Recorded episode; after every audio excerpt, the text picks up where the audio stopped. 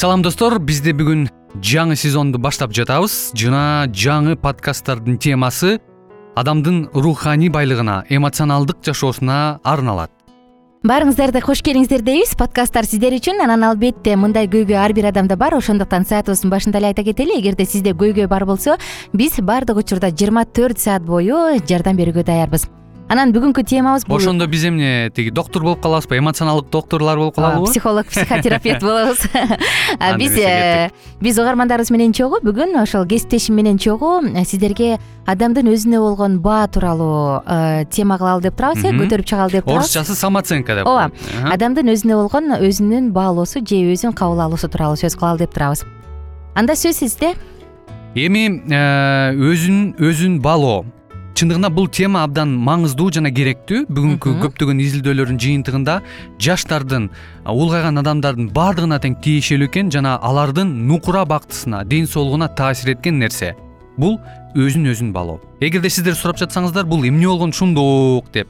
Анда күзгүгө барыңыз өзүңүздү караңыз анан айтыңыз мен азаматмын. А эгерде андай болбой турса значит бизде проблема бар. Аны чечиш керек. Жакында былтыр бир тойду алып бардык. Кара балта шаарында анан ал жактан айымдардын арасында ойнотуп атып анан күзгү берип эжеке өзүңүздү макташыңыз керек дегенде так. алдыга чыккан беш айымдан бирөө эле өзүн мактай алды. Ал дагы казак улутунан экен да анысы кандай? Чын эле биздин өзүбүзгө болгон баа кандай? Келиңиздер азыр бир саамга ойлонуп туруп он шкаланын ичинен канча деген баа бересиз өзүңүзгө? Э, өзүңүз үчүн жооп бериңиз ал эми биз э, бул ошол эмне үчүн өзүңдү баалаш керек дегенде э, бирөөнүн бизге абройлуу сөзү же кандайдыр бир чоң изилдөө натыйжа керек эмеспи? Бул биздин докторубуздун негизги негизи жараткан аалам жерди жараткан кудайдын сөзү. Анткени кудай мондай деген. Элестетиңиз бул кандайдыр бир философтун дагы психологдун дагы сөзү эмес а кудайдын мыйзамы экен. Анда мунун тегерегинде сөз кылып көрөлү? Кеттик. Кесиптеш сенден сурагым келип атат да жашооңдо ошо кымбат нерсесин сага ишенип тапшырып мына мен келгенче могуну сакта деген бирөө болду беле сөзсүз. Мага бир э, досум машиненин ключун берген. Анда менин правам да жок машинем да жок. Бир жака айдап барып келчи деген. Ошондой чоң мага мындай ишенимдүүлүктү көрсөткөндүктөн мен өзүмдү аябай жакшы мындай комфортно сезип калдым да. Баягы өзүмдүн баалуулугум өсүп дегендей а мен деген молодец турбаймынбы деп сүйүнүп калган кезим бар. Туура айтасың а эгерде тескерисинче адамдын өзүнө болгон баа төмөн боло турган болсо ал жашоосунда ийгиликке жетпейт экен элестетип көр. Окуйбу. ошол эле заматта мен ойлойм ал сөзсүз түрдө мындай белгисиз адам мындай көзгө көрүнбөгөн адам эмес. Алар деген байлардын арасында бар ийгиликтүү адамдардын арасында бар таанымал эл арасында же жөнөкөй үй бүлөдө күйөөсү болобу аялы болобу студент болобу любой слойдо любой адамдардын арасында арасында бар.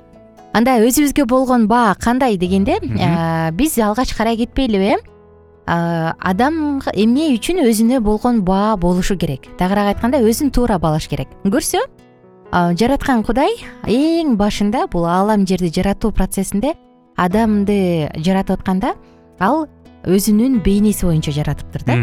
Анан өзүнүн бейнеси боюнча топурактан адам жаратып ага өмүр демин үйлөдү. Ошондо ал тирүү жан болуп калды дейт. Элестетип көр ооба. Кудай өзүнүн бейнеси боюнча адам жаратып аткан бул образ боюнча да. Мисалы чоң унаа бар анын прообразы кичинекей унаа бар го копия оп окшош. бирок кичинекей. Анан жараткан кудай эгерде бизге ушунчалык күч жумшап туруп анан өзүнүн прообразы боюнча жаратып атса анда биз кимбиз деген суроолор жаралат да. Сөзсүз түрдө. Анан бул жерде биз э, айта кетишибиз керек. Э, прообраз дегенде же кудайдын бейнеси менен жасалгандар жаратылгандар дегенде биз кудайдын копиясы эмес. Бирок кудай бизге өзүнүн э, жаратуучулардын жаратуулардын арасында эң эле бийик жана эң эле эркиндик жана өзүнө өзүнүн кыялындагы бар нерселерди бизге берген. Эркиндикти бизге берген бийликти бизге берген эрк берген. бизге. Эрк берген. Жана биз бир нерсени жарата алгандай кылып бизге бийликти дагы берген. Мунун баардыгы тең бизге абдан керектүү. Бирок айта кетчү нерсе биз жашаган дүйнөдө бул тең болбой калган да ооба. анан баягындай э, баалуулук ылдый түшүп негизи мындай туура эмес түшүнүк таркалып бүгүн адамдардын көбү бүгүн эмес негизи эле адамзат бактысыз жашоонун э, сүрүп келгенин себеби эң бир чоң себеби бул туура эмес өзүн баалоо. Ошол себептен биз э, сиз айткан нерсе абдан туура. Биз өзүбүзгө так жооп беришибиз керек. Мен эмне үчүн баалуумун? Мисалы үчүн мен эмне үчүн баалуумун? Ооба. Мен билимим бар болгон үчүн баалуумун деген бул туура эмес. Анткени билим албай калгандар да бар албай туруп эле бактылуу болгондор бар. Мен э, кандай десем боюм узун болуп төрүлгөн десек эми мен билбейм кандай дагы мисал келтиребиз жаштардын арасында. негизичи мындай карап көрбөйлүбү э өзүн өзү баалоо деген эмне? Биздин карамагыбызда дагы бир аз убакыт бар. Негизи өзүн өзү баалоо деген эмне? Өзүн өзүн баалоо деген менимче менин жеке оюм боюнча бул өзүмдү болгонундай болгонундай кабыл алуу. Анан кандай болсоң ошол бойдон? өзүмдүн болгонундай кабыл алуу деген өзүмдү идеалдаштыруу эмес. Бул да туура эмес жак көбүнчө адамдар өзүн такыр эле идеал кылып эле көздү жумуп кете беришет текеберденип кетет. А бул туура эмес. Өзүң болгонундай кабыл алуу менимче бул өзүңдүн жаман жактарыңды дагы жакшы жактарыңды дагы нормалдуу нерсе катары өзүңдүн баягы бөлүгүң катары кабыл алып э, жана ошол менен жашоо менимче. Жана орус элинде айтып коечук я такой какой есть депчи. Ошондой сыяктуубу ооба. Э, өзүн өзү кабыл алуу бул менин оюмда. Э, өзүн өзү кабыл алуу бул мисалы көбүнчө адамдар эмнеден кабыл албайт? Менин көзүм мага жакпайт. Э менин көзүм ичке жүлжүйгөн көз. Мен мындан же менин денем мисалы үчүн эң эле таркалган менин денем ашыкча килограммдарга ээ. Жок эми аны менен күрөшүш керек го дейм. Жок эми бирок кээ бирөө чын эле бар да мисалы үчүн канча деле склонный деп коет го э. Баягы организмдеги ар кандай процесстердин айынан баягы арыктай албагандар ооба. Же жүрөк ооруларына мүмкүн. мүмкүн э. Анан ушул нерседе эгерде жок бул көздү мен жаратып алган эмесмин бул мага берилген белек деп кабыл алса бул туура. А эгерде мисалы э мен жок окууга жөндөмүм жок мен аны кыла албайм мен кандай болсо ушундаймын десе муну мен көбүрөөк жалкоолук демекмин ооба ооба. А эгерде мисалы жаратылгандан кандай болсо э мисалы боюм бир жарым эле метр же болбосо көзүм жүлжүйгөн же сен айткандай ушундай деген сыяктуу нерсе болсо анда муну кабыл ала албасаң сен өзүңдү өзүң кабыл албай атканың. Бул өзүңө болгон баанын төмөндүгү.